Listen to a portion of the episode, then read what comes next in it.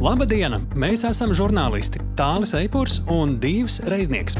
Mūs no sirds interesē, kas notiek Ukrajinā, kā notiekošais tur ietekmē notikumus šeit, kā mēs šeit varam būt noderīgi cilvēkiem tur. Lai labāk izprastu notiekošo, mēs dzenamies pakaļ personīgiem stāstiem, kas iemieso šo eksistenciālo cīņu. Mēs skaidrojam, ko globāla ziņu virsraksts nozīmē šeit, pie mums. Jo Ukraina cīnās ne tikai par savu brīvību. Ukraina šobrīd ir arī mūsu drošinātājs. Esiet sveicināti! Šis ir raidieraksts drošinātājs 2023. gada pēdējā nedēļā. Nākam klajā ar mūsu 54. epizodi. Sveiks, Tāli! Sveiki, klausītāji! Sveiks arī Dievu, un sveiki klausītājiem arī no manis.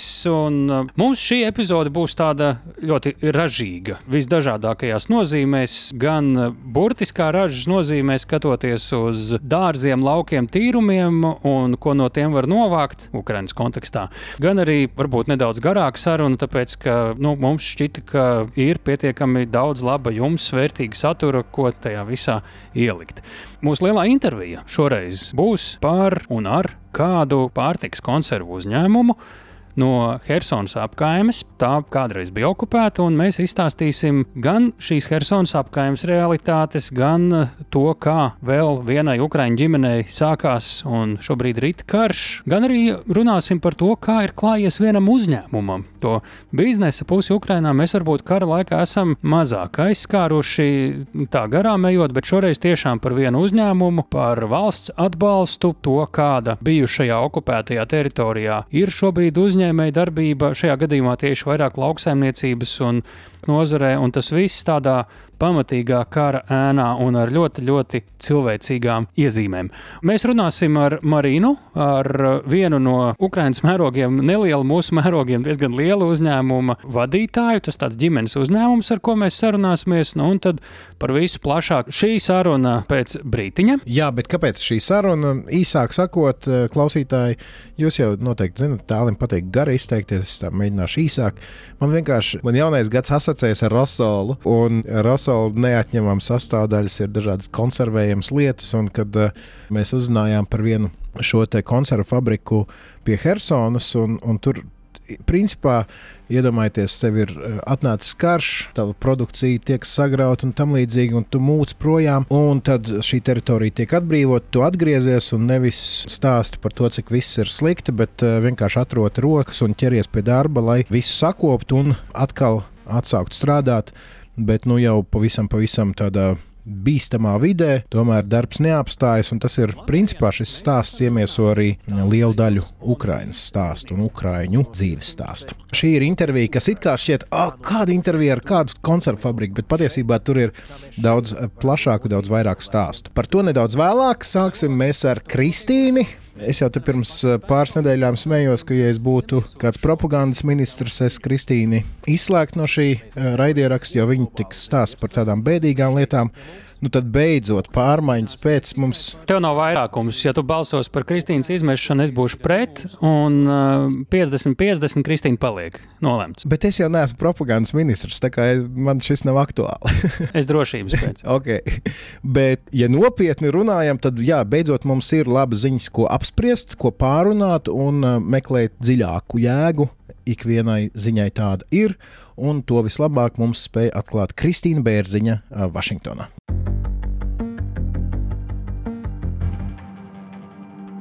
Sveiki, Kristīne!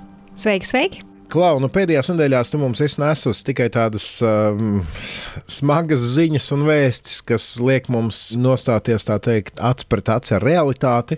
Šoreiz gan mums ir uh, labas vēstis, uh, proti otrajos Ziemassvētkos Ukraina spēja dot triecienu pa vienu no lielākajiem Melnās jūras Krievijas kara flotes kuģiem, desantkuģiem no Čerkaska veiksmīga militārā operācija. Pēc ilgiem laikiem atkal tādas labas ziņas sanāk. Ja? Ļoti laba ziņa sanāk ar lielu blīkšķi. Tiešā un pārnestā nozīmē ir nogremdēts vēl viens liels, nozīmīgs Krievijas kara kuģis Krimā, un tika izmantotas rietumu sagādātas raķetes. Izskatās, ka Ukraina sev ir sagādājusi ļoti labu Ziemassvētku dāvanu. Ukraina ir parādījusi, ka Ukraina var izmantot to, kas ir saziedots, lai reāli arī mainītu savā ziņā spēles noteikumus Krimā. Un mēs jau esam iepriekšējās nedēļās arī runājuši par to, ka tā vieta, kur notiek kustība, kur ir lielākie panākumi, tā ir Melnā jūra. Un uh, varbūt, ja pirms gada bija runa par to, ai, kā Krimā, varbūt tagad nevajadzētu pārāk par to domāt, labāk skatīsimies uz to, kas notiek uz sauszemes un kā tagad salauzt to zemes tiltu, to savienojumu starp Krimu un Krieviju, tad atkal redzams, ka tā vieta, kur ir tieši inerce Ukrainai, ir Melnajā jūrā un šādos lielos uzbrukumos. Tālūk, ir kaut kas iespaidīgs, un man liekas, morālē gan Ukrainā, gan visā pasaulē ļoti nozīmīgs. Un jāskatās, ka tāda lieta arī varētu turpināties, jo, protams, tās nav arī vienīgās labās ziņas, kuras var nonākt Ukrainā šī gada beigās vēl. Britu aizsardzības ministrs šo triecienu ir nodēvējis kā ilustrāciju tam, ka tie, kuri uzskata, ka Ukrainas cīņa ir nonākusi strupceļā, šie cilvēki kļūdās. Tu tam piekrīti? Vai te mēs vienkārši priecājamies par jebkuru labu ziņu, kas nāk no Ukrainas? Šī ir liela laba ziņa, šī nav, šī nav maza laba ziņa. Šeit parāda to, ka Krievijai ir jāierobežo savu klātbūtni vēl vairāk arī Melnajā jūrā, un ka nevar paļauties uz jebkādu drošību Krimā visiem lieliem karakuģiem. Un e, runā par to, ka nogremdētajā kuģī bija Irānas gādātie šahada droni. Tātad, protams, kara kuģis ir pats par sevi kaut kas nozīmīgs, simbolisks, Krievijai ļoti sāpīga lieta, ko zaudēt. Jo, ja zaudēt karavīrus uz frontes, Krievijai varbūt tā ir mazāka rūpe, bet lielas kuģus zaudēt, tas ir kaut kas nopietns. Plus vēl, ja kuģī ir bijuši šādi droni, tad tas ir arī kaut kas ļoti nozīmīgs, jo faktiski tas pasargās Ukrainu un Ukraiņus no šiem uzbrukumiem arī uz priekšu. Tā ir liela un vērtīga militārā uzvara šajā Ziemassvētku laikā, par ko Ukrainai ir vērts svinēt, un, protams, arī visiem ļoti nozīmīgi skatīties, ka Ukraina spēja un Ukraina var un tā arī turpmāk varēs. Brīdī, kad mēs ierakstām mūsu sarunu, mēs esam dzirdējuši baumas, bet vēl neesam redzējuši konkrētas liecības uh, tam, ka Ukrainā iespējams jau ir nonākušas pirmās F-16 uh, iznīcinātāja lidmašīnas, ko piegādā Nīderlanda. Kā tas varētu ietekmēt notikumus uh, militārajā frontē? Baumas ir baumas, bet zem baumām bieži kaut kas slēpjas. Un arī tagad parādījās atakams raķeti Ukrainā, tad arī tas nebija ar skaļu troksni paziņots, bet parādījās, tika pielietots un bija labi. Un tā arī man liekas, varētu būt ar lidmašīnām, ka tas ir nozīmīgs un tādas nozīmīgas lietas arī kādreiz tā klusuņām un lēnām sagādā, un tad redzēsim viņu nozīmi, ka to pierādīs arī pielietojumā. Un redzēsim, kā tagad būs, tāpēc, ka ne tikai, protams, ir nogramdēts kuģis, Krimā, bet arī Ukraina ir notriekusi vairākas Krievijas karalidmašīnas pēdējās nedēļas laikā. Un tas parāda to, ka gaisā Krievijai arī nav droši pieliksim klāt vēl F-16 lidmašīnas, un šī kustība, tāda tehnoloģiski attīstītāka kustība, kur ir runa par kuģiem un lidmašīnām, tas arī varētu vēl turpināt pātrināties.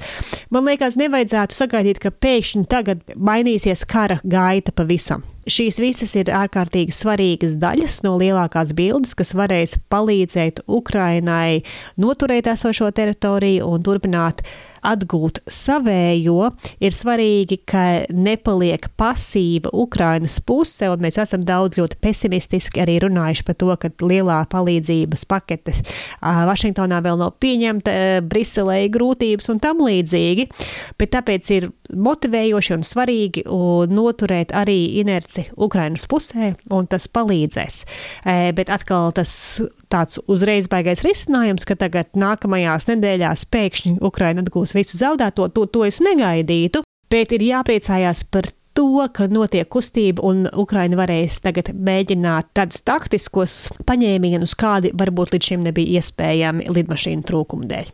Kā trešo tēmu es gribēju izcelt vienu rakstu, ko publicēja vācu tabloīds uh, Bild.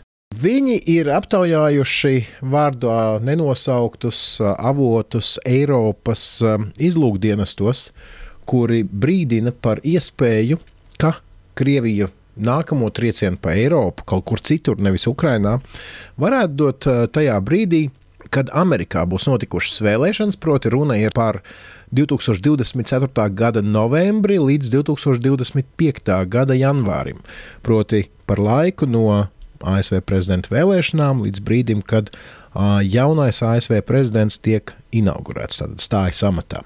Vai tu redzi jau kādu ticamību tam? Nu, es skeptiskāk skatītos uz to, tāpēc, ka kas notiek eh, novembrī un decembrī, tas, ka Amerika ir Amerika. Amerikā ir prezidents, un prezidents ir ļoti motivēts palīdzēt NATO valstīm un uh, palīdzēt Ukrainai. Nav svarīgi, eh, vai viņam ir palikuši vēl četri gadi, vai viņam ir palikušas četras nedēļas, tāpēc, ka krīzes vai kara gadījumā viņš rīkotos operatīvi, tāpēc, ka viņš ir pilntiesīgs prezidents janvārī ja mainītos vara.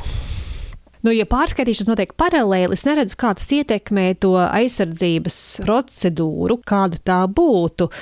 Un, ja ir pagarināti termiņi vai tam līdzīgi, un ir runa tieši par janvāri, tad man liekas, ka arī nebūtu gluži tik liels bardaks, lai būtu motivācija kādam iebrukt. Drīzāk mana saprašana par to, kas varētu būt, un vispār kā izprast nākamo gadu, 2024. gadu, ir tas, ka tas lielā mērā ir tāds gaidīšanas laiks visām pusēm. Tāpēc, ka ir, protams, tie, kas arī Amerikā ievēlētu prezidentu Trumpu, ka viņš būtu draudzīgāk noskaņots pret Krieviju un varētu iedot iespēju Krievijai sarunāt sev tīkamāku rezultātu Ukrainā to daudzi varētu Krievijas pusē iespējams sagaidīt. Vai tā ir taisnība vai nav, tas ir arī cits jautājums, jo tomēr arī daudziem sabiedrotiem Trumpam bija ārkārtīgi labas attiecības. Un es neteiktu, ka tā ir jebkāda garantija, ka būtu arī automātiski kaut kādas super labas attiecības ar Krieviju, bet Krievija varētu pamēģināt un pagaidīt, redzēt, kā tas ir. Un,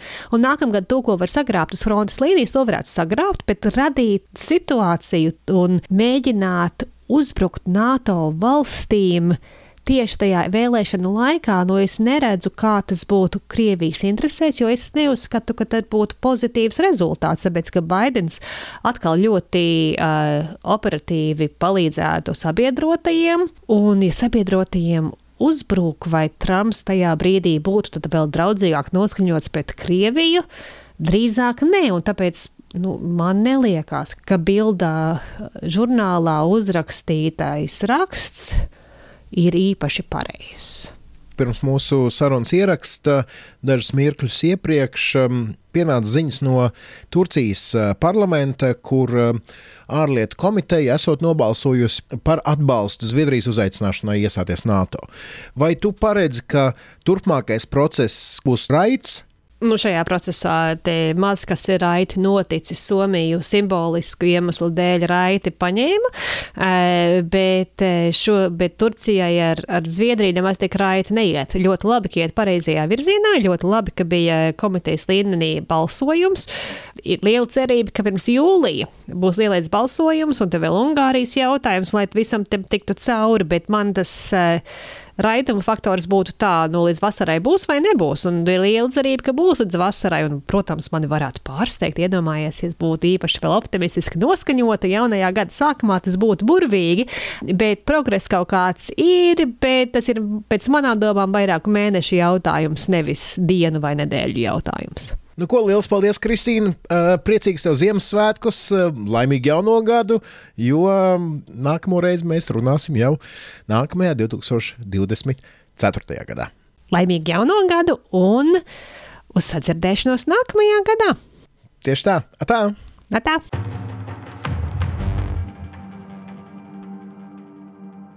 Paldies, Dievu! Paldies, Kristīna! Nu, tie turki, nu, es tā, tādus traģiskus smieklus centos nu, pat palaist. Eh, nu, šobrīd visi seko katrai procedūrai, un drīz visa Eiropa un NATO dalībvalstis zinās, kāda procedūra jebkuram lēmumam ir Turcijas parlamentā.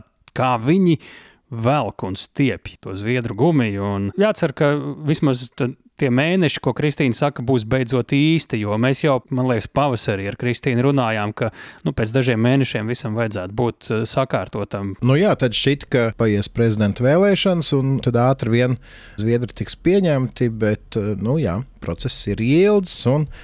Cerēsim, ka atrisināsies ātrāk nekā vēlāk. Bet ļoti daudz kas uh, mainās ātri, un tā skaitā arī informācija, ko mēs pieminējām ar Kristīnu mūsu sarunā. Nu, pat tās ir parādījušās jaunas ziņas par šo kuģi, kuram tika veiksmīgi dots raķešu trieciens. Uh, Kristīna minēja, ka tur šahedi varētu būt bijuši. Tagad jaunākā informācija liecina, ka tur varētu būt bijis apmēram 4400 artērijas lādiņu, kā arī 280 gradu raķetes. Nu, tāda tā informācija ir. Katrā ziņā tie, kur redzēja video, būkšķis bija milzīgs. Tā kā skaidrs, ka tas nebija tukšs kuģis. Nu jā, tur bija pirmais būkšķis, un pēc tam otrais pavisam lielais būkšķis, un pēc tam vēl atnāk informācija, ka tur blakus ir bijis vēl viens kuģis vai kuģītis. Tas ir arī vecs, laikam vecs dzīvot. Kuģis, jā, vecs treniņu kuģis. Tas tāds, eh, tāda piedeviņa odziņa uz uh, visa vēl. Bet katrā ziņā ir ļoti daudz šobrīd skaļu atbalstu šim sprādzienam. Es domāju, tur vēl jaunumi nāks, līdzīgi kā pēc Kreisera Maskava nogremdēšanas, kad mēs uzzinājām gan kā uz to reaģē pēc tam Krievijā, gan patiesos uh, dažādus faktus, kas sākumā tika noklusēti gan no Ukraiņu puses, gan no Krievijas puses. Tā kā šis ir atkal viens lielais stāsts, viens lielais Ukraiņu panākums.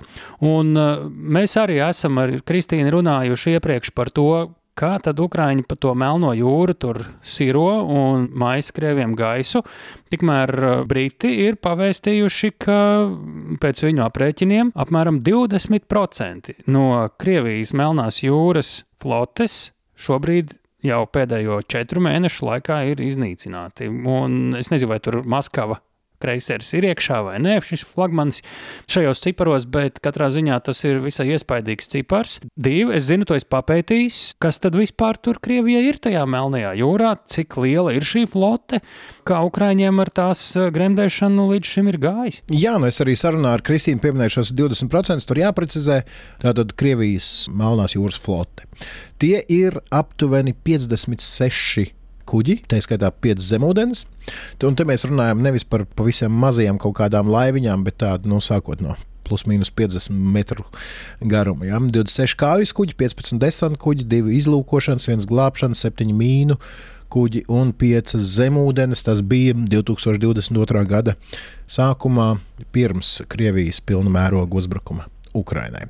Tātad kopš kara sākuma cits starpā Ukraina spējusi nogremdēt ne tikai flotes flagmani Maskava 22. gada aprīlī, tāpat tika veikts unikāls trieciens sadragājot zemūdeni šī gada septembrī, kad tā bija piestājusi dokos, bet novembrī Kerčas dokos bija iznīcināts pilnīgi jauns un, principā, kara darbību vēl nepieredzējis raķešu kuģis. Bet kopumā, ja mēs runājam, ir 51 kuģis pie zemūdens, tātad iznīcināti vai uz ilgu laiku no ierīnas izvesti ir 16 eh, kuģi, citā avotā min vēl arī 23 vai 27, un tas ir kā skaita. Jo, piemēram, šis Novočerkaska kuģis arī reiz eh, jau bija cietis no Ukraiņas uzbrukuma pagājušā gada martā, kad okupētā Berdjanskas ostā Ukraiņi deva triecienu un tobrīd noslīcināja desmit kuģus ar ātavu, bet Novočerkaska redz tika salabota un atkal bija ierindā, nu tās vairs nav. Tāpat triecienu saņēma arī Melnās jūras flotes galvenā un rezerves mītne. Pēc šī uzbrukuma septembrī tieši liela daļa flotes tika pārmesta uz Novarsīskas ostu Krievijas teritorijā, bet šobrīd jau dzirdams runas par to, ka Krievi sākuši darbu pie jaunas ostas izveides Melnās jūras flotes vajadzībām Krievijas okupētajā Abhāzijas teritorijā. À, nu jā, jāpiebilst, ka uzbrukumi Melnajā jūrā pēc ilgākas pauzes atsākās šī gada augustā, bet īpaši aktīvi kļuvos septembrī. Tur var atrast korelācijas ar to, ka Kremlis kaut ko minēja tajā laikā par to, ka mēs varētu ieņemt jaunas teritorijas Melnās jūras apkārtnē, un noteikti nepalīdzēja arī šomēnes izteiktā Putina frāze par Odesu kā Krievu pilsētu. Nu, katrā ziņā mēs redzam, ka pateicoties rietumu raķetēm un pateicoties Ukrāņu pašu izstrādātajiem jūras droniem, tādām bezpilotu laivām ar sprākstvielām, kas tiek vadīts attālināti, viņiem ļoti veiksmīgi izdodas cīnīties pret Krievijas Melnās jūras floti. Ko tas dod? Vairākas lietas. Tas uh, samazina iespējamo desantu izsēšanos krastā, par ko ļoti baidījās arī 22. gada sākumā, piemēram, nu, tur Odesas apkārtne. Un Krievijam tas neizdevās jau tad. Tagad vēl jau mazāk iespēja. Tāpat Krievija ir spiesta atvilkt savus kuģus tālāk no Ukraiņas teritorijas. Tas savukārt dod iespēju, piemēram, ja no šiem kuģiem tiek izšauts raķetes, tad eh, pretgaisa aizsardzības sistēmām ir vairāk laika sagatavoties šiem uzbrukumiem, pārtvert tos. Un to mēs redzam, ka Ukraiņas pretgaisa sistēmas gan veiksmīgi dara. Un trešais lielais ieguvums ir tas, ka drošāk ir šie jūras ceļi kuģiem, kas izved graudus no Ukrainas, kas ir svarīgi gan Ukraiņas ekonomikai, gan daudz vietā pasaulē, kur šie graudi ir ļoti svarīga ekonomikas sastāvdaļa. Ieceļam divu reiznieku par Latvijas jūras pretslūkošanas datu analītikas nodaļas darbinieku vai nu, vadītājiem. nē, nē, ja jūs kaut ko, ja jūs kaut ko jūtat, ka es esmu kaut ko samuldējies, tad rakstiet mums drošinātājs Latvijas Rādio LV. Bet nu, apmēram šāda ir publiski pieejamā informācija. Tas tā nelielam ieskatam par to, kas vispār ir Krievijas Melnās jūras floti, kurā dienēja vismaz 22. gada sākumā apmēram 25,000 cilvēku. Ļoti vērtīgi priekšstatam par to, kur mēs bijām pirms 22. gada, kur mēs esam šobrīd. Tā skaitā arī Ukrāņi ar savām spējām kaut ko darīt. Mēs atceramies, cik viegli, diemžēl, Krievi pirms daudziem gadiem nu jau diemžēl ienāca Krimā. Šobrīd es ļoti šaubos, vai kas tāds būtu iespējams. Diemžēl viņi tur joprojām ir, bet izskatās, ka Ukrāņi atrod spraugas, kā jau okupantus visu laiku noturētu drošā attālumā un uh, Ukraiņi turpina cīņu. Par cīņas turpināšanu mēs varam teikt, ka būs arī mūsu nākamais stāsts. Tā iespējams ir cīņa, kura ir vismaz tikpat svarīga kā tā, kas notiek kara laukā. Cīņa par Ukraiņas izdzīvošanu, pabarošanu, finansiāli, pārtikas ziņā. Mēs sarunāsimies, mūsu lielā intervija būs ar Marīnu, cilvēku, kas ir dziļi iesaistīts vienā Ukraiņu konservu ražošanas uzņēmumā, ģimenes uzņēmumā, kuru viņi faktiski Marīnu vada kopā ar tēvu un māti māti, tēvs dibināja šo uzņēmumu, un kuri ir strādājuši un turpina strādāt Helsonas apkārtnē. Uzņēmums kādreiz bija šajā okupētajā teritorijā, tad bija uz laiku pārtraucis darbību, ražot pats savu produkciju. Un tad nu, mēs dzirdēsim visdažādākos stāstus vienas intervijas laikā, gan par to, kā cilvēki muka un glābās no okupācijas, no iebrucējiem, gan par to, kā noturēja šo uzņēmumu un turpina cīnīties, lai tas nenomirtu un pat atzimst šobrīd. Tas viss to daļa vienas sarunas laikā šeit pat drošinātājā. Bet tāli, es un mūsu klausītāji varētu vaicāt, kāpēc tu Marina nepieteici pilnajā vārdā, nenosauc uzņēmumu nosaukumu? Nu, jāsaka tā, ierakstu laikā viņi to visu mums stāsta, bet uh, pēc laiciņa viņi atrakstīja un lūdza tomēr tās vietas, kas atspoguļo atrašanās vietu ražotnes un uh, konkrētus vārdus pēc iespējas izņemt un iztīrīt, jo kaut kā viņai pēc pēdējo dienu apšaudēm eh, ir radusies sajūta, ka nav tomēr tik droši, lai varētu visiem visu arī izstāstīt, bet neuztraucieties, būtība ir palikusi. Mēs respektējam gan Marinas lūgumu, gan tā pašā laikā jūsu tiesības uz stāstu, un stāsts izskanēs. Viss svarīgākais, protams, ka ir atstāts un ir ļoti daudz tādu simbolisku lietu, kur nekādi fakti nav vajadzīgi, kur uh, vienkārši ir svarīgs stāsts. Nu, ko pēc šī ievada neatliek nekas cits, kā klausīties, un kā vienmēr, ja intervija nav latviešu valodā, tad uh, mēs piedāvājam divas iespējas uh, klausīties to ar tulkojumu latviešu valodā vai klausīties oriģinālu valodā, kādā tā tika ierakstīta. Šajā gadījumā tā būs krievu valoda. Ja jūs esat mūs atraduši šeit, kur mēs runājam, tad ziniet, ka tepat blakus ir nopublicēta arī tikai intervija oriģināla valodā. Nu, lūk, Marina no kāda konservu ražošanas uzņēmuma Helsonas pievārtē.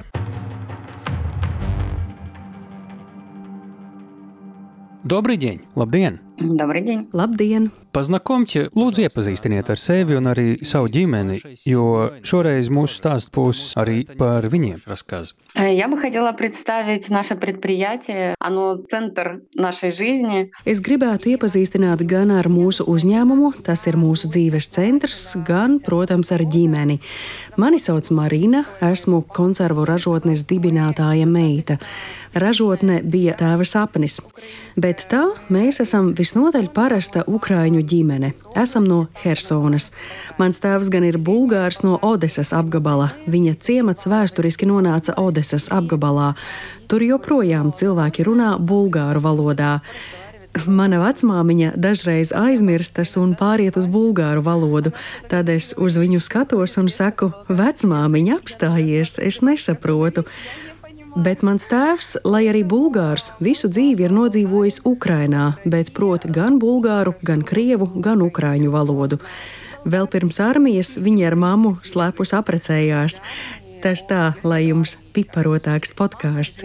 тайна, добавим перчинки в ваш подкаст. И uh, у них родилось двое детей, я и моя сестра. И с тех пор мы проживали. Viņiem piedzimām mēs ar māsu. Kopš tā laika dzīvojām Hersonā, kas Ukrainas izmēriem ir neliela mīļa pilsētiņa podkāsts. Viņiem piedzimām mēs ar māsu. Kopš tā laika dzīvojām Hersonā, kas Ukrainas izmēriem ir neliela mīļa pilsētiņa, ap 300 tūkstošiem iedzīvotāju, iepratim 3 līdz 4 miljoniem iedzīvotāju Kīvā, kur tagad dzīvoju. Salīdzinot ar to, Hersona man ir maza, mājīga, dzimtā pilsēta городом. Второй по размеру Латвijā tā sanāktu otra lielākā pilsēta. No мы быстро, bet tagad par uzņēmumu. Kā tas sākās? Līdz kam bija izaudzis, kad sākās pilna mēroga iebrukums? Do momenta полного вторжения. На самом деле предприятие было основано само еще 25 лет назад э, моим отцом и успешно развивалось. Сам завод. Pašu uzņēmumu mans tēvs nodibināja jau pirms 25 gadiem. Tas veiksmīgi attīstījās. Ražotnē, kad sākās karš, bija 5 gadi, tagad pagājuši jau 7. Ražošana attīstījās diezgan ātri, un tas, manuprāt, ir liels tēva nopelns. Man, protams, kā katrai meitai pret tēvu ir beznosacījumu mīlestība, varu viņu bezgalīgi cildināt, bet patiešām viņš un mana māma kopā būvēja un paplašināja ražotni. Tajā nodarbojāmies ar konservāciju. Tie ir gurķi, tomāti, tomātu pasta, zirņi, sulas un ne tikai. Ļoti plašs sortiments, vairāk nekā 120 dažādu produktu, arī saulespuķu eļļa, grūbas, visa bakaleja, rīsi, griķi, pat pat kondensētais piens.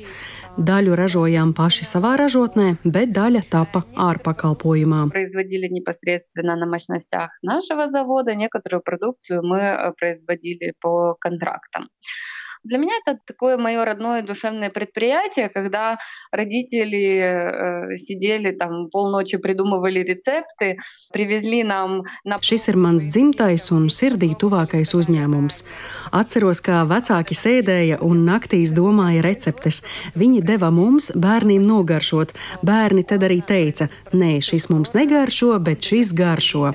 Ražošanā laida to, ko izvēlējās bērni. Tēvam patīk sacīt, ka viņš ražo to, ko dod pats saviem bērniem, un nu jau mazbērniem, un tā patiešām arī bija. Mēs bijām pirmie degustētāji, jo bērni par ēdienu saka patiesību, un tas strādāja. Mūsu ģimenei rezultāti bija kolosāli. Ražotni tēvs ar māti cēla kopā. Arī tagad viņi jau ir uzcēluši jaunas noliktavas un jaunu cehu. Tas viss atrodas ciematā, un tas vietējiem ir svarīgi, jo tad viņiem ir jaunas darba vietas. Mums tā bija tāda kā laimes un attīstības oāze. Mēs atradām klaiņojošu suni. Suns vēlāk kļuva par mūsu ģimenes simbolu. Mēs to izmitinājām ražotnē, un tas tur dzīvoja un to sargāja. Mēs arī esam saņēmuši zelta medaļas, bijuši izstādēs, un jau tad mūsu produkciju pasūtīja armija, Mums tiešām gāja labi. Получали золотые медали, представляли продукцию на выставках.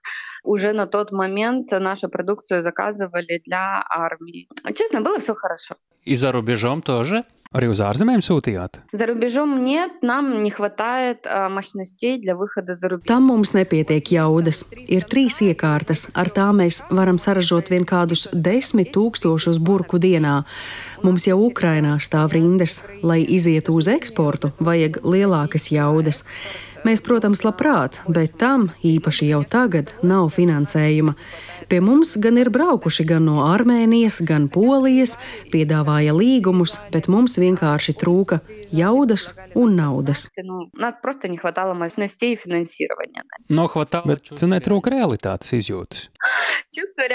Jā, realitātes izjūta ir mana tēva jājam zirdziņš. Viņš visu sarēķina galvā. Nesaprotu, kas tā par mašīnu viņam tur galvā, bet tā strādā simtprocentīgi un labāk par jebkuru datoru его компьютера. Priekšā februārī, un tad pienāca 22. gada februāris. Kāds jums, ģimenei, uzņēmumam tas bija? 24 февраля моей дочке исполнился месяц. Manai meitiņai 24. februārī apritēja viens mēnesis. Protams, ka mums bija smagi. Mana māsa bija gaidībās, mēs bijām Kīvā. It kā gan televīzijā, gan cilvēki runāja, ka var sākties karš, bet pie mums karš ritēja jau astoņus gadus. Mans vīrs ir no Donetskas, viņa ģimene toreiz padzina no mājām, viņa vecāki strādāja valsts sektorā. Viņiem bija jābrauc prom, citādi viņus nošautu. Tāpēc es nevaru teikt, ka karš pienāca negaidīti Bet tieši tajā brīdī ar mēnesi vecu bērnu uz rokām man personīgi tas bija ļoti negaidīts. Лично для меня она была очень внезапной, потому что я думала только о том, что у меня месячный ребенок на руках. С 2009 года я жила в Киеве, закончила юридический факультет. Bet līdz tam es kopš 2009. gada dzīvoju Kīvā, pabeidzu juridisko fakultāti, vecāki palika Hersonā. Uzņēmumu vadīju attālināti. Covid laikā bija labi redzams, ka tas ir iespējams. Juridiskās un administratīvās lietas varēju paveikt attālināti, un es to tā arī šobrīd turpinu. Lielākoties darām visu trietā. Māsa, kura arī ir juriste, sākumā palīdzēja. Es tagad vadu mūsu uzņēmumu un vēl arī esmu padomniece juridiskā firmā. Параллельно работаю советником в юридической фирме. Mhm. Februāri. Atgriežamies pie februāra. История какая? Вот лично моя. Я кормила ребенка в 5 утра и услышала взрывы. Lūk, mans personīgais stāsts.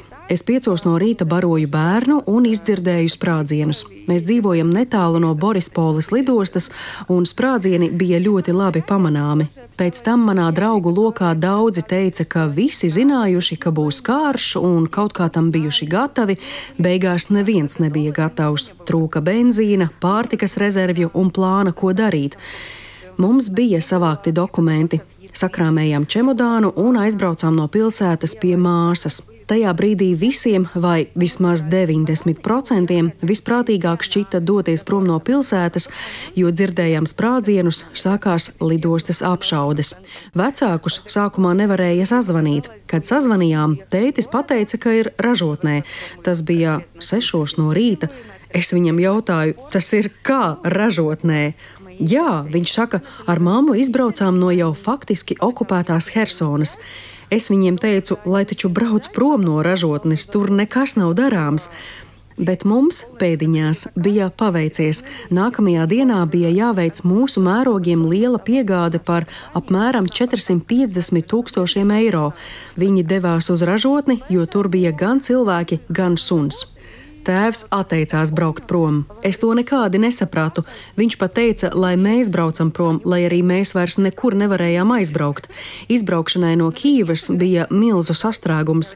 Māsa ar visu grūtniecību tajā pavadīja sešas stundas, apgriezās un devās atpakaļ. Сестра, она была беременна, она села в машину, она попыталась выехать.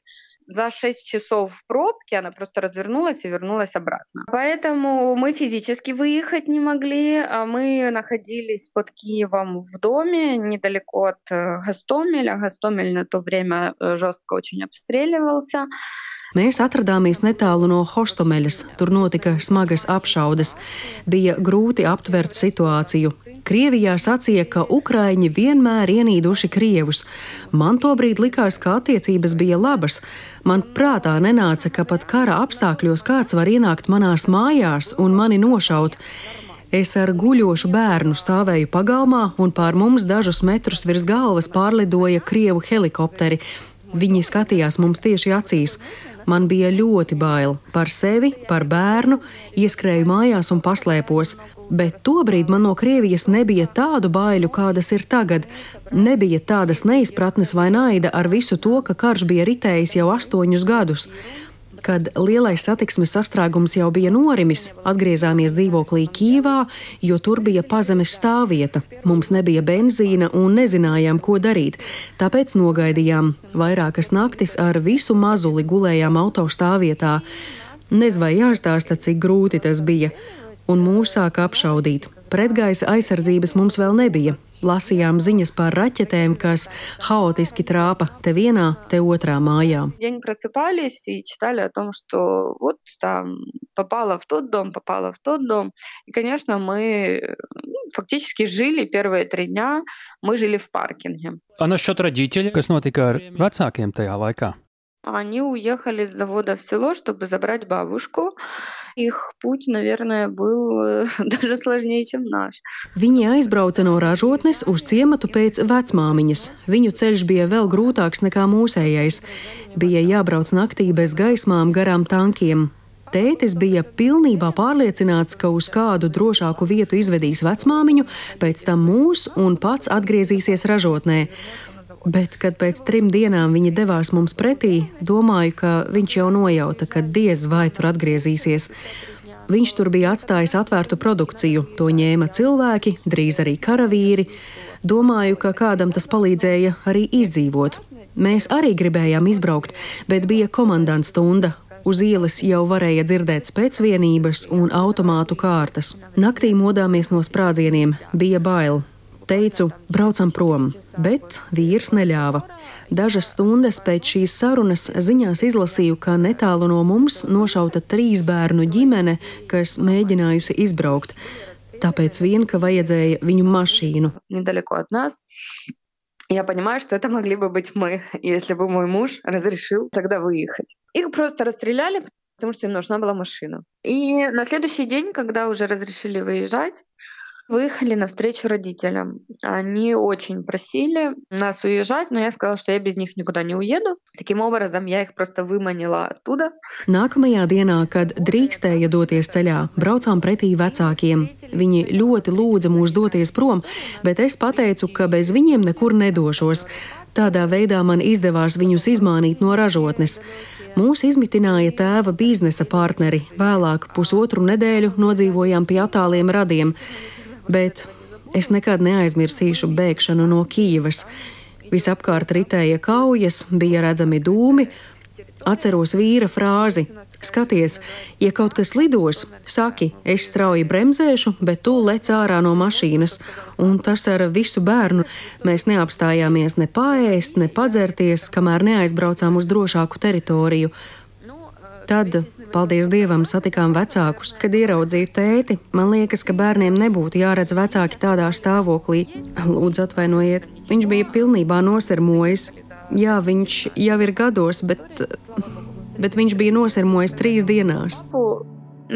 Мне кажется, не должны дети видеть родителей в таком состоянии. Я прошу прощения, наверное, это не профессионально в подкасте. Он был полностью седой. Да, он в возрасте, но он посидел за три дня. Не рассказал ничего, neko neteica, bet iekšā to visu bija pārdzīvojis. Да. Вот. И, и знаете, наверное, вот он для меня супергерой. Jā. Tad, nu, lūk, viņš man laikam ir kā tāds supervaronis. Jo laikā, kad visi uz Ukrainas rietumiem brauca cauri Vinnicas pilsētai un nevienam nebija benzīna, tēvs mūs izveda pa visādiem apkārtceļiem. Ik pēc dažām stundām, kad apstājāmies, mēs iebraucām pie viņa draugiem un partneriem, un tikai tad es laikam sapratu, cik liels cilvēks viņš ir. Ne tā kā autoritāte vai bagāts, bet tā, ka viņš ir strādājis tik godīgi, nereizi nevienu nav piekrāpis un ir pildījis saistības. Brīžos, kad citi stāvēja rindās un nezināja, ko darīt, mēs iebraucām pie viņa partneriem. Vieni mums iedeva benzīnu, citi autiņbiksītes, bērnu ēdienu vai naktsmājas, un tie nebija draugi, ar kuriem svinēt un iedzert. Tie ir partneri, ar kuriem tika strādāts. Viņu tā cienīja, ka viņu un viņa ģimeni vienkārši ieveda drošajā teritorijā, un tikai tāpēc mēs tikām līdz Černivciem jau 18 stundās, kamēr citiem tam vajadzēja trīs diennaktis. Tādas bija mūsu pirmās četras kara dienas мы прожили первые четыре дня войны. Вы tikāt ārā no Kijivas, izvilinājāt vecākus no Helsonas. Kur jūs pavadījāt Helsonas оккупацijas mēnešus? Jūs Kijavā atgriezāties? Вы вернулись в Киев? Нет, мы приехали в Черновцы. В Киеве было тогда очень опасно, потому что Киев пытались захватить еще до мая. Nē, atbraucām uz Černivciem. Kīvā tobrīd bija bīstami. To centās ieņemt līdz pat maijam. Dzīvojam pie tēva biznesa partnera, jo kaut ko izīrēt bija neiespējami. Okupētajā Hersonā tikmēr palika mūsu radinieki, manas abas tantes, krustmeita, daudz draugu un radu. Nu, tas bija murgs. Cilvēkus, kuri mēģināja no turienes izkļūt, haotiski šāva, Kādu nelaida ārā, kādu nošāva vienkārši uz ielas. Mana tante izbrauca ar pārvadātāju naktī, grupā ar citiem, ar izslēgtiem telefoniem, bailēs par nošaušanu. Viņus veda ārā kā tādus partizānus. Sākumā uz vienu vietu, nezinot, kad varēs turpināt, pēc tam tālāk. Kādu pa ceļam nošāva, kāds izdzīvoja, kāds pa ūdeni, kāds pa zemi. Paldies Dievam, mani radinieki tika ārā un ir dzīvi, bet paziņu lokā ne visi izdzīvoja. Suhaputnēm puķom. Слава богу, мои родственники живы на сегодняшний день, они смогли выехать, но не все знакомые, скажем так, выжили. Как вы следили, kā jūs okupācijas laikā sekojāt tam, kas notiek uzņēmumā? Ko jūs zinājāt, ko nē? Varbūt kāds kaut ko stāstīja vai atsūtīja kādu bildi. Kā jūs to vērojāt? Как вы за этим наблюдали? У нас были видеокамеры на заводе, поэтому первое время, когда еще был... Mums ražotnē bija videokameras, tāpēc sākumā vēl varēja attālināti skatīties ierakstus. Ciematā vēl bija mūsu cilvēki. Pēdējā video no ražotnes redzams, kā teritorijā iebrauc tanks. Tad visi sakari pārtrūka. Dažas nedēļas vēlāk pazuda sakari arī ar cilvēkiem, jo arī tos, kuri gribēja tur palikt, evakuēja piespiedu kārtā. Ciematu sašāva un saspridzināja un iznīcināja par kādiem 95%. Visas mājas bija iznīcinātas. Par katru stāstu varētu uzrakstīt grāmatu. Kāds bija paguvis paslēpties pagrabā, kāds ne.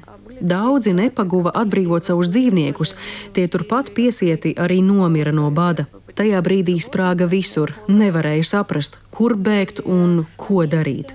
Там привязанные. Просто взрывается все. Ты даже не знаешь, куда бежать, куда идти, что делать.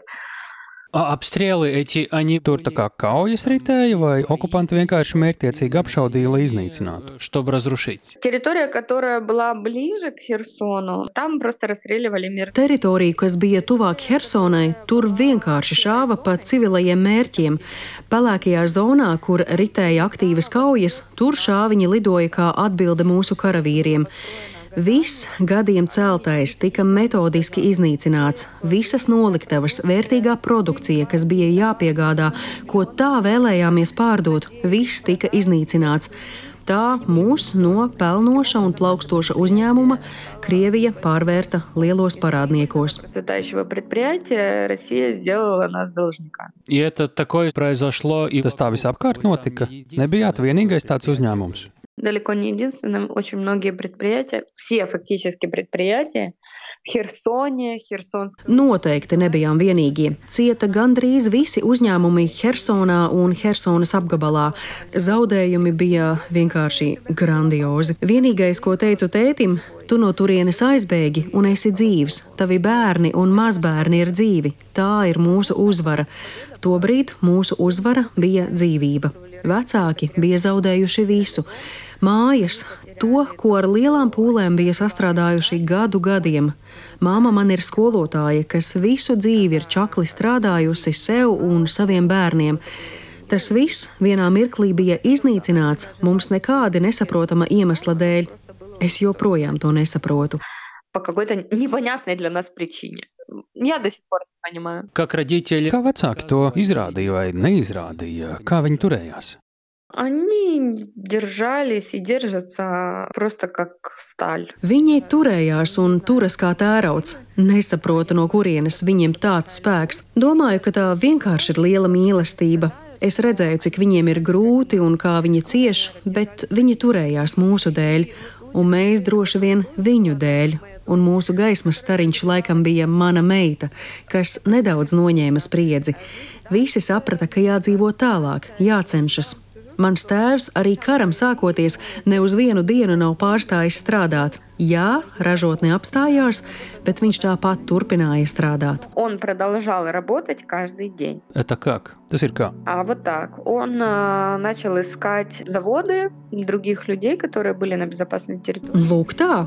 Viņš sāka meklēt citus uzņēmumus drošajā teritorijā, no tiem pasūtīja produkciju. Viņam ir zināšanas, receptūra, kontakti un partneri. Laikam jau mazbērni un darbs viņam ļāva dzīvot tālāk. Viņš katru dienu bija pie telefona. Es kā juriste viņam sacīju, ka tas ir force majeure, ka viņš var neatdot parādus. Visa pasaule zina, ka ir karš bet viņš teica, ka viņa pienākums ir izpildīt saistības un ka tā ir viņa problēma, ka viņa prece ir sašauta. Es esmu parādā un es to atmaksāšu. Un viņš to izdarīja. Var rastrēļāļi un viņš tožili raketami Я должен людям деньги, я их верну. И он их вернул. Tā kā он перешел, tad viņš pārgāja no ražošanas uz tirsniecību. На торговлю, да. Он... Jā, uz tirsniecību pasūtīja preces ar savu preču zīmi. Cilvēki zināja, ka tā ir viņa kvalitāte un vārds, un turpināja pirkt. покупать эту продукцию. Vai ģimene krastā vienā jaukā dienā, kas vienlaikus bija arī droši vien skumja diena, jo bija jāierauga realitāte, jūs atgriezāties? Kā tas notika? Ko jūs ieraudzījāt? Я до сих пор не была в Херсоне. Меня туда никто не пускает и не пустит. Es pati joprojām neesmu bijusi Hersonā. Mani tur neviens nelaiž un nelaidīs. Tur katru dienu ir apšaudes un mirst cilvēki. Tāpēc manas un bērna drošības dēļ mani tur neviens nelaiž. Helsonas atbrīvošana bija kaut kas vairāk nekā svētki. 22. gada 11. novembris kļuva par tādu kā dzimšanas dienu. Tēvs uzreiz savāca mantas un devās uz ražotni. Tur gan drīkstēja doties tikai kopā ar noteiktiem cilvēkiem. Tur uz vietas bija šoks. Туда приехал, ну, шок. Шок, наверное, это то, что можно, можно описать.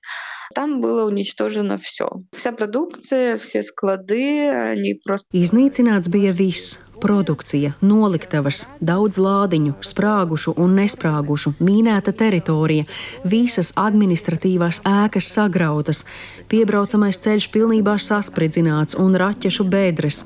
Ar mašīnu tur nevarēja piebraukt. Kad viņi atbrauca, Krievija atkal apšaudīja teritoriju un vienu cilvēku kontuzēja. Jau fotografijā. fotografijās redzams ne tikai sprādzienu pēdas, atlikušās sienas vietām ir kā sietas no ložu caurumiem. Расстреляно, да. Там велись бои, да, там велись бои. Все было расстреляно, и даже вот Jā, sašautas. Tur notika kaujas. Viss bija sašauts. Tehnika, kas tur bija palikusi, mašīnas, vārīšanas agregāti. Pat ja ārēji izskatījās neskarta, iekšpusē bija sašauta un pilna ar lodēm un šķembām. Bet, ziniet, viena produkcijas partija bija palikusi vesela. Tas nu dien bija kaut kas. Tā bija pirmā fotografija, ko tētis man atsūtīja. Te klausītājiem jāpaskaidro, ka mēs konservējam nevis skārda buļģās, bet gan stiklā. Tur apkārt gāzās sienas un jumti, lidoja raķetes, bet viena krava ar burkām palika neskarta. Bija sajūta, ka kāds eņģelis atlidojis un apsedzis tās burkas ar saviem spārniem, un viss lidojas garām. банки. И все пролетало мимо. Aģents šāk в storoну. Paspērsim vienu soli sāņus. Jūs sakāt stikls. Cik saprotu, tā ir ļoti apzināta izvēle. Э, Да, да. Смотрите, э, стекло – это экологическая тара, которая Jā, stikls ir ekoloģisks iepakojums. Tas ir labs dabai, jo sadalās. Tajā arī saglabājas visas labās produkta īpašības. Mūsu vecmāmiņas tajā lika gurķus un tomātus, un joprojām ir veselas. Ļoti atšķiras sulas kvalitāte tetrapakā un stikla burkā. Mēs arī nepievienojam ķīmiju, lai sula nesaskāptu. Химикаты для того, чтобы этот сок э, не скис. Ну да, это шаг в сторону. А Что, bet, nu, atpakaļ pie uzņēmuma. Kas tālāk? Jūs jau iepazīstinājāt ar savu tēvu un pieļauju, ka viņš ķērās pie darba un jūs līdz ar viņu. Мы помогали ему дистанционно, мы начали оформлять документы. Это достаточно сложная процедура. Mēs viņam palīdzējām attālināti, sākām kārtot dokumentus. Tas bija diezgan sarežģīti. Bija jāfiksē viss, kas noticis ražotnē, lai varētu sākt kriminālu procesu un lietu tiesā. Bija jāfiksē zaudējumi. Mums bija valstī un nodokļu iekasētājiem jāpierāda, ka neesam produkciju pārdevuši, ka tā ir iznīcināta. Tāpat bija jātīra teritorija. Tāpēc tēvs, kā turp aizbrauca, tā joprojām tur ir. Ražotnē arī dzīvo. Он как уехал, он до сих пор там живет. Он живет на заводе. Потому что dom, tāpēc, ka māja arī iznīcināta. Дом, слава богу, не разрушен, но дом находится в Херсоне. В Херсон поехать мы не можем. Херсон каждый день обстреливают. Māja, paldies Dievam, nav iznīcināta. Tā atrodas Hersonā, bet tur braukt mēs nevaram, jo pilsētu katru dienu apšauda. Ziņās var lasīt, ka to apšauda ap 50 reižu diennaktī. Mūsu māju tūmā sprādzis ir ne reizi vien, taču pilsētā pastāvīgās briesmās joprojām dzīvo cilvēki. Tēvs apmetās ražotnē vismazāk sapostītajā telpā. Tur joprojām nav logu. Tie ir aizsisti ar koku un skārdu, jo, lai arī vieta ir samērā droša, tad tomēr ne līdz galam. Да. Территория относительно безопасная сейчас, но все равно небезопасная. Такие реалии. То есть он остался там жить, топил себе буржуйка, это зима, это холод. И он начал расчищать территорию, фиксировать. Viņš kurināja buržuiku un sāka attīrīt teritoriju un fiksēt zaudējumus. Esam uz mūžiem pateicīgi vietējai kara administrācijai par palīdzību ar dokumentiem un atmīnēšanu. Vasarā, lai arī viss it kā bija attīrīts, mūsu transportētājs uzbrauca Bumbai. Es nesaprotu, kādi eņģeļi mums tur sēž, bet sprādziena nebija. Cilvēks palika dzīves, jo sajūtot, ka uz kaut kā uzbrauks, laikus apstājās. Atmīnētāji atrada 15 kg bumbu. Ja tā sprāgtu, puse klātesošo ietu bojā. И разминировали бомбу, забрали ее, ну, 15 килограмм. Если бы она взорвалась, я думаю, что половина точно там бы легла, кто был рядом. Nu, да. Kā, kā jau ot, когда ot, tagad jau apritējis vairāk nekā gads, kopš tēvs atgriezās, bet kāds sākumā tobrīd bija jūsu mērķis kā uzņēmumam un kā tam klājas šobrīd, līdz kam esat tikuši? Наверное, тяжелым трудом, желанием и рвением. То есть у отца было... Я ему предлагала много вариантов релокации. Релокация Gan jau kā ar smagu darbu un vēlēšanos. Es sākumā tēvam piedāvāju daudz relokācijas, jeb uzņēmuma pārvietošanas variantu. Ukrainā ir tāda valsts programma, kas atbalsta uzņēmumu izvešanu no kara zonām. Piedāvāju viņam to daudzreiz un atradu variantus un citus uzņēmumus, bet viņš nepiekrita. Tas ir mans uzņēmums un ģimene. Cilvēki atgriezīsies un viņiem vajadzēs darbu, bet drošajā teritorijā jau ir savi uzņēmumi, un es tur neesmu vajadzīgs. Viņš tur dzīvoja bez elektrības, bez apkures un sakariem. Pēc vairākiem mēnešiem, aprīlī, viņš atkal iedarbināja ražotni. Tā mums bija uzvara. Es ticēju un zināju, ka viņam viss sanāks, bet zinot tos postījumus, bija arī grūti iztēloties, kā tieši tas ir iespējams. Bet viņam tas izdevās ar mammas un ģimenes atbalstu. в голове, что это возможно. Но он это сделал с поддержкой мамы, с поддержкой семьи. Он нанимал людей, искал людей. Там найти людей практически нереально. А подвести технику практически нереально. То есть Viņš arī meklēja cilvēkus, jo uz vietas tādus atrast bija nereāli. Atvest tehniku arī nereāli, jo ceļi un teritorija saspridzināti, viss jātīra. Iedomājieties, cik tīrs būtu jūsu dzīvoklis, ja tā vidū saplēstu trīs litru burku ar tomātiem, bet tur bija tūkstošiem burku un vēl ziemā. Viņš meklēja cilvēkus, tehniku, maksāja lielu naudu, lai cilvēki viņam palīdzētu. Viņam pieklīda ļoti daudz dzīvnieku. Viņš to teritoriju bija padarījis par dzīvības oāzi, piebaroja dzīvniekus, un to saradās arvien vairāk. Es viņam sacīju, ka viņš taču visā apkārtnē ir viens pats, bet viņš saka, nē, man te ir 20 suņu, es neesmu viens. Говорит, нет, у меня тут 20 собак. Говорит, доча, я не один. Это значит что? Что вокруг у других предприятий? Tas nozīmē, ka apkārtnē citiem vairs nebija neviena uzņēmuma, iestādes, kaut kādas apdzīvotības. Sanāk, ka jūsu gadījums tur bija retums. На тот момент мне неизвестно о предприятиях ближайших, которые возобновили работу. Я таких не знаю лично. Tobrīd tajā apkārtnē man nebija ziņu par vēl kādu, kas būtu atjaunojis darbu. Cilvēki, lai arī vēlējās atgriezties mājās, to nedarīja, jo nebija jau kur atgriezties. Mājas bija iznīcinātas pilnībā. Nebija viegli atgriezt darbiniekus. Daļa no viņiem joprojām dzīvo pagrabos, jo mājas vairs nav bet viņi ir atgriezušies uz savas zemes un sākuši to sakopt un atjaunot. Ļoti daudz palīdzēja starptautiskās organizācijas no Eiropas valstīm ar celtniecības materiāliem, apģērbu, pārtiku. Tas ļāva cilvēkiem izdzīvot, jo darba nebija, ja neskaita mūsu ražotni. Tas tā ir tagad, bet sākumā vispār neviena nebija, kā tuksnesī. Tas nebija iespējams. Brauc traktors un uzsprāgst uz mīnas. Bija, nu, man bija divas versijas. Vai nu tur viss ir apstājies, cilvēki ir, bet viņiem nav kur strādāt, un tāpēc darba roku netrūkst, vai arī visi ir devušies prom un strādnieku nav. Поначалу все уехали, некому было. Sākumā visi aizbrauca, darba roku nebija, nemaz, bet ar laiku, kad teritorija kļuva mazāk bīstama un to sāka attīrīt, cilvēki pakāpeniski sāka atgriezties. Tēvs sāka apzvanīt savus darbiniekus, sacīja, ka palīdzēs, brauciet atpakaļ, strādāsim kopā. Sākumā atgriezās kādi pieci cilvēki, palīdzēja attīrīšanā un atjaunošanā. Kad citi izdzirdēja, ka atvērusies ražotne, viņi paši nāca prasīt darbu.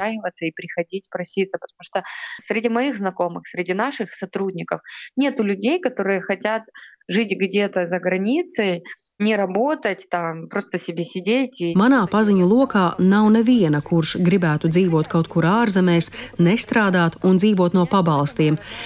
Bet daudziem nav kur atgriezties.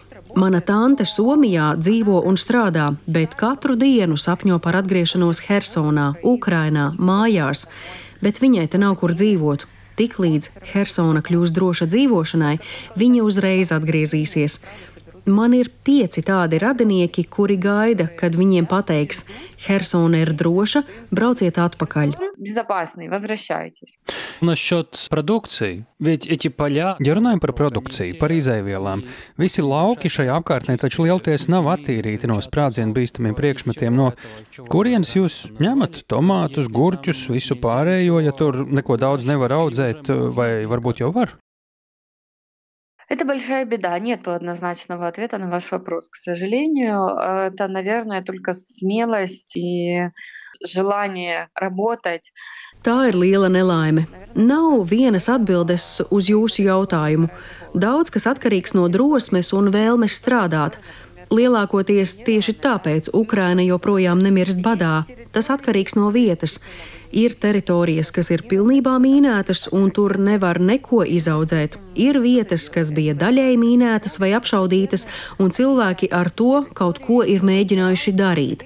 Saukuši atmīnētājus, attīrījuši, gājuši bojā, kļuvuši par invalīdiem, bet nav apstājušies. Helsonas apkārtnē daļa lauku ir attīrīta, tāpēc mēs maksimāli cenšamies iepirkt produkciju no vietējiem ražotājiem. Vispirms jau tas ir izdevīgāk pārvadāšanas izmaksu dēļ.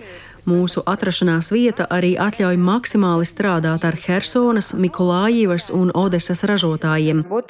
Херсонскими производителями, херсонскими, николаевскими, одесскими. Но проблема большая. Еще большая проблема стала после подрыва ГЭС. Bet problēma tāpat ir liela. Vēl lielāka tā kļuva pēc tam, kad Krievi uzspridzināja Kahovkas hidroelektrostācijas dambi. Viņi noslīcināja ļoti plašu teritoriju. Ukrainā to sauc par otro Černobiļu. Lai arī pārsvarā tas ir kreisais krasts, teritorija tāpat ir milzīga. Nezinu, vai vēl būs tādi Helsonas arbūzi vai tomāti un gurķi, jo tos tur audzēja ļoti daudz. Slaveno Ukrainas melnzemi izpostīja ne tikai ūdens, bet arī dubļi un smiltis. Tā visa produkcija gan Ukrainas tirgum, gan eksportam ir zudusi. Bet mēs grozījāmies kā pratām, pasūtījām produkciju, no kurienes vien varējām, jo tuvāk mums, jo labāk, un piegādātāji bija un ir, paldies Dievam. Esam ļoti pateicīgi cilvēkiem, kuri tur palika strādāt, vietējiem zemniekiem, kuri sāka atgriezties. Tas arī mums ļāva strādāt. Не бросили, они тоже начали возвращаться, обрабатывать земли свои. Вот за счет них и работали. Мы входим в наш магазин. Arī Latvijas veikalu plauktos uz dažādiem konserviem var lasīt, ka tie vai to sastāvdaļas nāk no Ukrainas. Cik ļoti ticams, ka tie ir tieši no jūsu reģiona, jo ir labi zināms, ka tas ir ļoti auglīgs. Э, tas ir pat ļoti iespējams. Piemēram, Helsonas tomāti ir slaveni visā Ukrainā, tāpēc arī pie jums var gadīties produkcija no mūsu reģiona. Jo teritorijās, ko atbrīvojuši mūsu mīļie karavīri, kuriem esam bezgala pateicīgi, cilvēki ir atsākuši strādāt. Bet Ukrainas teritorija tomēr ir diezgan liela, un katrā reģionā kaut ko audzē. Odesā, piemēram, ir daudz lauku, vīnogu audzētavu, visur Ukrainā kaut ko ražo. Радники, везде в Украине что-то производят. Наш этот эпизод, он выходит pār dņē do Novu. Šī mūsu raidieraksta epizode nāk klajā ļoti īsi pirms jaunā gada. Vai jūs savā uzņēmumā jūtat, ka ir svētku laiks un cilvēki kaut kā citādāk iepērks, vai arī par spīti tādam tiešām kara tūmam pieprasījums mainās? Меняется. Спрос меняется, а люди продолжают жить, как бы там ни было. Да, им очень... Pieprasījums mainās, jo cilvēki turpina dzīvot, lai cik smagi arī viņiem neklātos.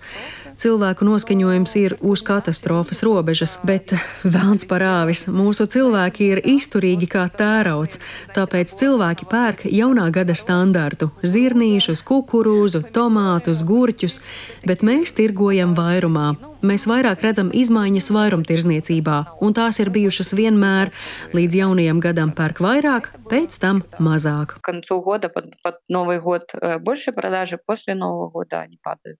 Vai jūs teicāt, ka jau pirms pilna mēroga iebrukuma sadarbojāties ar armiju? Arī tagad to turpināt, zinot, ka šobrīd tā droši vien ir ļoti svarīga daļa no valsts ekonomikas?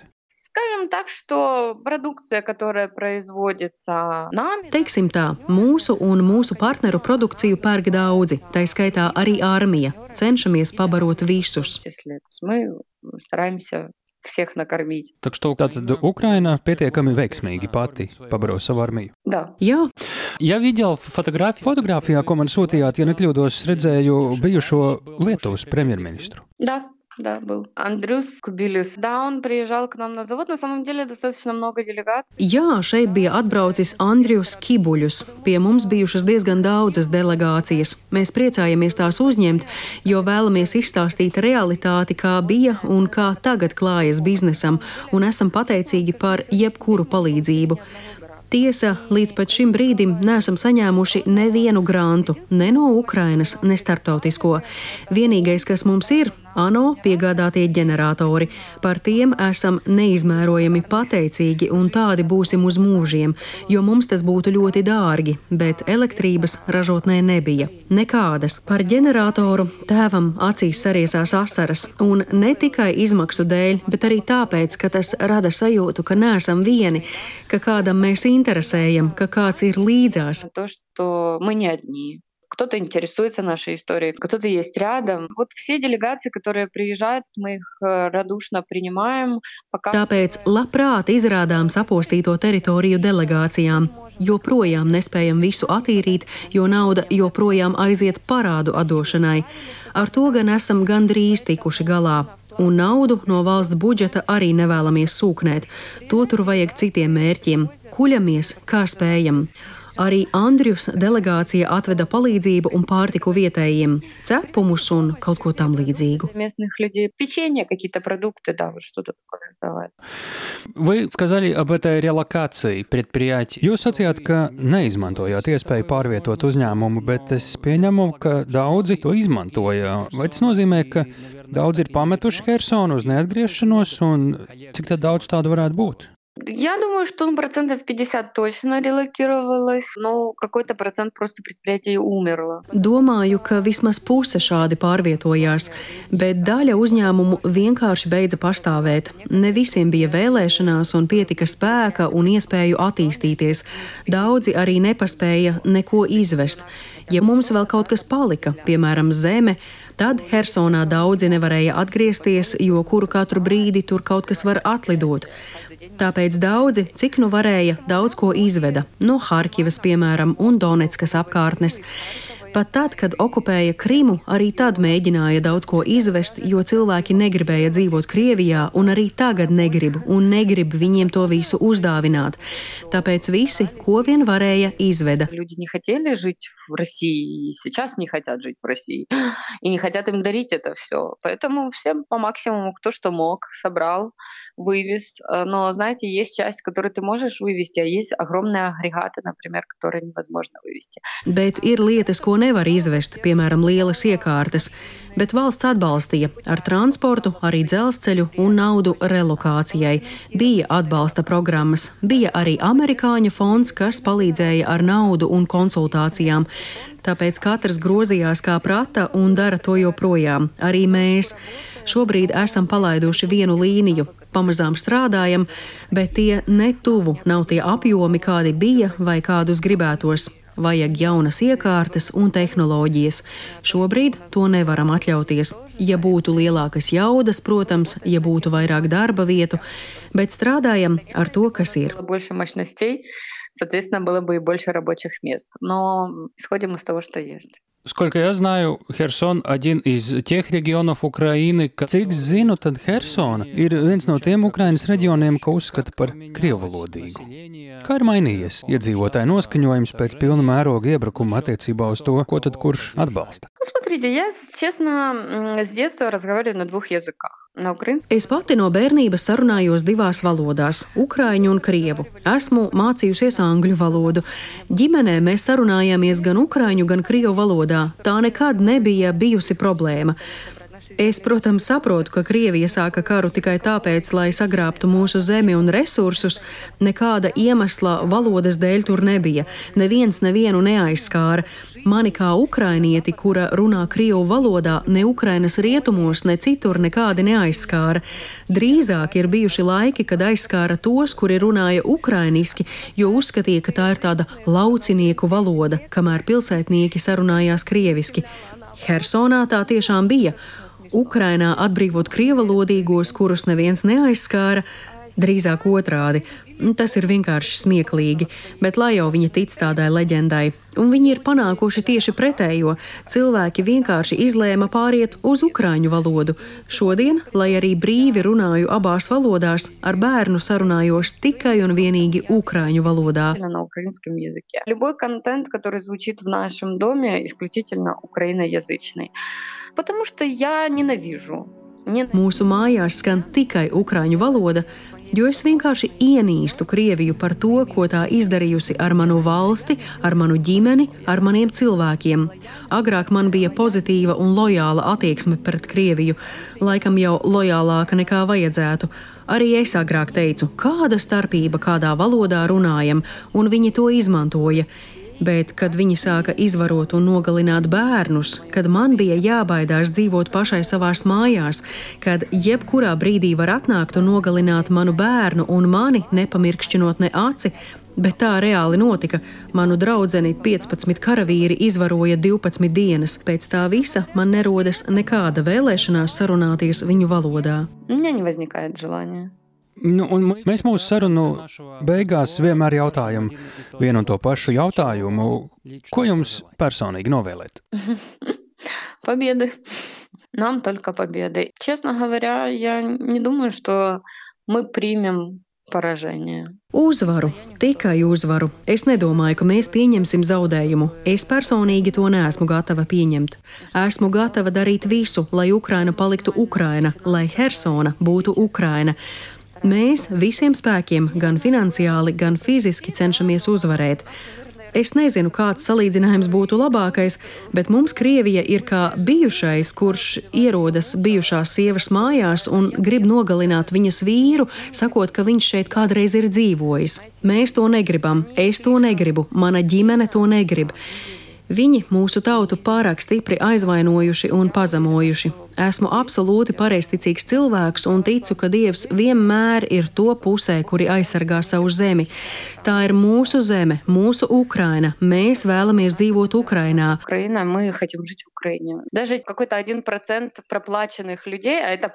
ir zināms procents uzpirktu cilvēku. Mēs viņus personīgi pazīstam. Mana klases audzinātāja nostājās Krievijas pusē, kad viņi ienāca, un viņa kļuva par it kā Krievijas skolas direktori Hersonu Hersonā. Es nezinu, vai viņa joprojām ir dzīva, bet es zinu, cik nelabvēlīga pirms tam bija viņas ģimene un viņa pati. Bija cilvēki, kuri par simt rubļiem pārdeva dvēseli vēlnam un mēģināja kliegt, ka vēlas būt Krievijā. Ukraiņi, kuri dvēseli nav pārdevuši, stāvēs līdz pēdējam. Tāpēc novēliet mums mieru un saprotiet, ka mēs nevēlamies dzīvot Krievijā un par to stāvēsim līdz galam.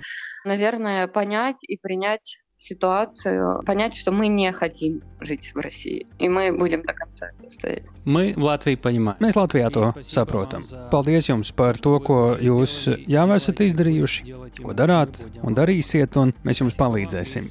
Paldies jums un slavu Ukrainai! Героям слава! И вам спасибо большое. Slava varoņiem un arī jums paldies! Paldies, Tāli! Tā bija Marina no Ukrainas, no Helsinas konservu fabrikas. It kā tik vienkārši, bet uh, tomēr tik komplicēti un tik daudz ko pasakoši. Es tiešām aicināšu mūsu klausītājus, ja jums šis šķita svarīgi, padalieties sociālos tīklos. Padalieties ar saviem draugiem, aizsūtiet linku uz šo sarunu, lai to dzird arī citi. Un, ja jums ir pēkšņi ideja, ka varētu iesaistīties un investēt šādā uzņēmumā, es domāju, ka caur mums jūs, Marina, varat arī atrast. Nebūs pirmā reize, kad caur mums kāds kādu ir atradis un kāds kādam palīdzējis. Bet tas, ko es gribēju teikt, klausījos, ko Marina man stāsta, un es.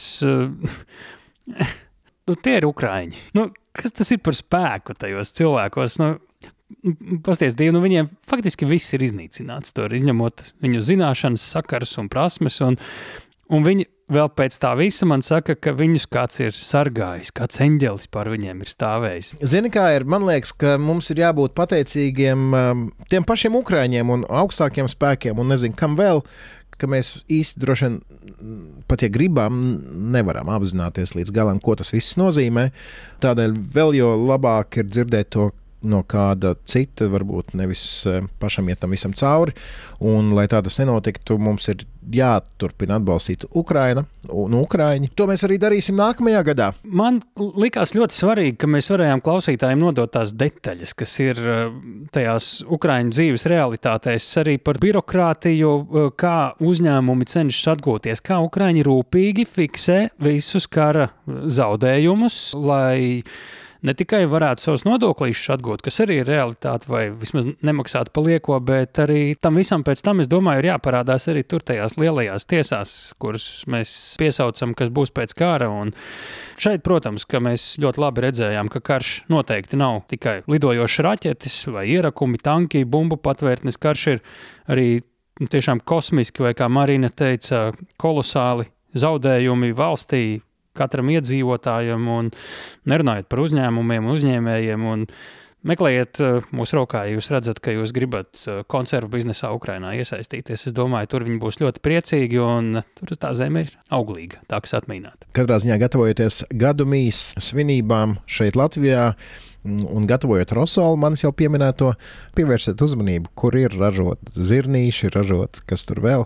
Ja tie konservi ļoti bieži ir ražot tieši Ukrajinā. Es divas valstis esmu pamanījis, skatoties, jo man garšo, piemēram, marinēt gurķīšiem. Tad parasti ir vai nu Turcija vai Ukraina.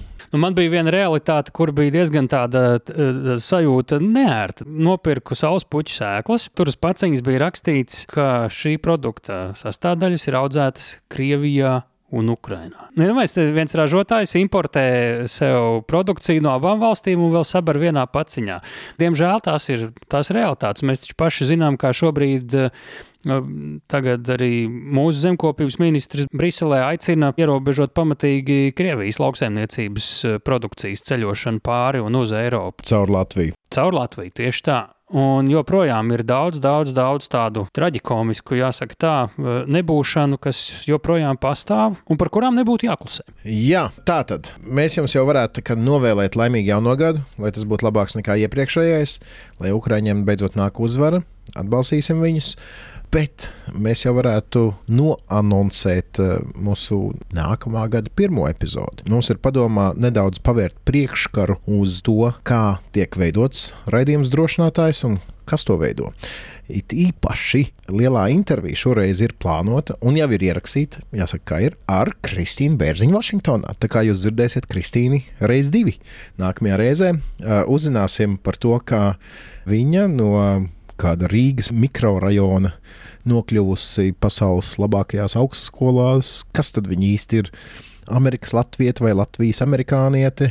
Un, jā, Kristīnas stāsts ir ļoti fascinējošs, uzzināja daudz jaunu un interesantu, un tas iedod arī uzreiz tādu labāku izpratni par cilvēku kuru mēs uztveram kā mūsu ekspertu. Bija jāpaiet drusciņš vairāk nekā gadam un 54 epizodēm, lai mēs uzzinātu, ar ko mēs te sarunājamies katrā no šīm epizodēm. Tieši tā. Tā kā man arī būs interesanti, es uh, saku godīgi, šobrīd es vēl šo divu sarunu ar Kristīnu neesmu dzirdējis, bet vēl nākamajā epizodē mēģināsim izstāstīt, kā tad vispār top šis raidieraksts. Eh, neko vairāk daudz es eh, tagad nevaru atklāt, bet es eh, varu pavisam droši teikt, nu visādi mums tie iet. Tieši tā. Bet tas jau stāsts nākamajai reizei. Sadzirdamies pēc nedēļas. Ja jūs klausāties mūs kaut kad vēlāk, jums priekšrocība ir tāda, ka atliek tik uzspiest nākamo epizodi un varat jau visu dzirdēt to, par ko mēs šobrīd runājam, kā par kaut kad nākotnē. Paldies, tev tāli! Paldies jums, klausītāji, ka bijāt ar mums kopā šajā 2023. gadā. Tas ir viss, kas mums ir sakāms šogad. Un mēs ļoti ceram, ka nākamgad vai pēc iespējas agrāk mūsu podkāsts varēs mitēties, runāt par karu Ukrajinā un līdz ar to vispār beigties. Ja pagājušajā gadā mēs cerējām, ka tas būs šis gads, šogad ceram, ka tas būs nākošais gads. Mēs ļoti labi arī realistiski uz to skatāmies, ka tas varbūt šobrīd izskatās samērā naivi, bet eh, tai pašā laikā tas ir tas, uz ko mēs visi kopā strādājam. Kopā ar jums, klausītāji. Visu labu un atcerieties, drošinātājs tas ir skaidri un personīgi par karu Ukrajinā.